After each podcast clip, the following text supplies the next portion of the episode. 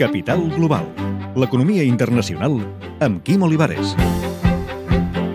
Bjorn Stigson defensa un creixement econòmic compatible amb l'explotació eficient dels recursos. L'expresident del Consell Mundial Empresarial pel Desenvolupament Sostenible considera que la crisi financera i social ha fet encara més necessari aquest desenvolupament.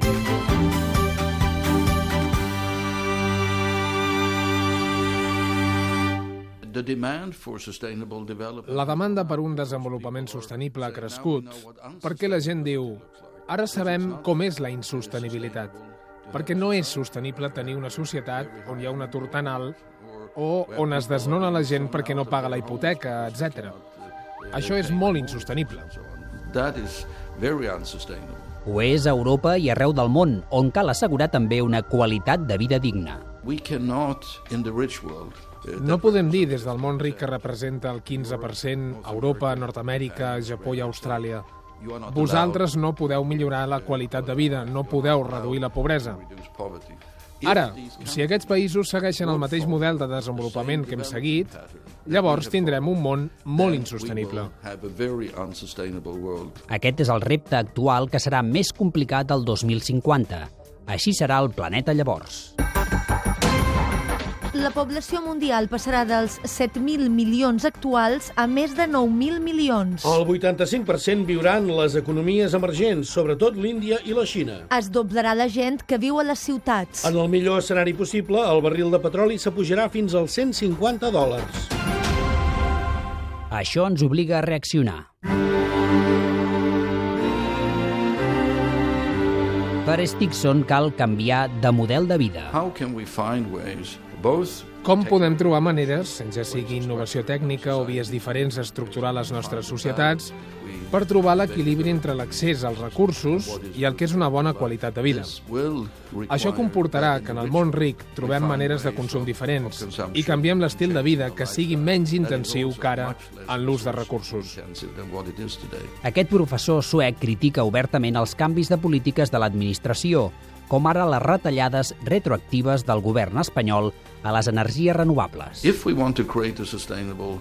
Si volem crear un món sostenible, calen polítiques estables. En el moment que canvies alguna cosa tan substancial com les ajudes públiques que hi havia a Espanya, el sector privat per la confiança i diuen «Mm, no tornarem a invertir altra vegada d'aquesta manera. Stigson assessora les autoritats catalanes, xineses, alemanyes i nord-americanes.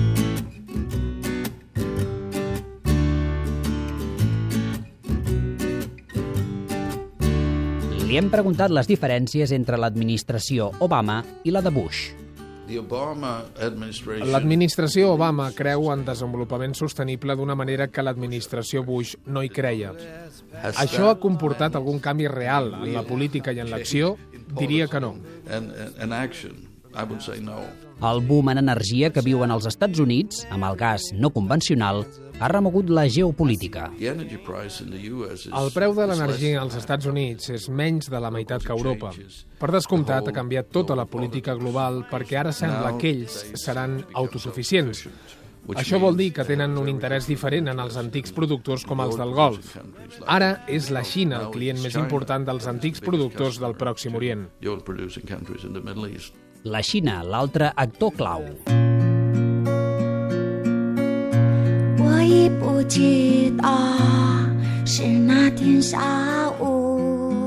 Fa 16 anys que Stigson aconsella les autoritats comunistes. Allà el creixement descomunal s'ha assolit a costa del medi ambient.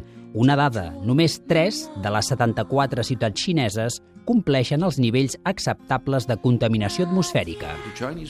La població xinesa està molt descontenta amb això. Això pot derivar en una revolta social, i si el Partit Comunista vol mantenir-se al poder, han de reduir la contaminació. És inevitable, i se n'ha donat.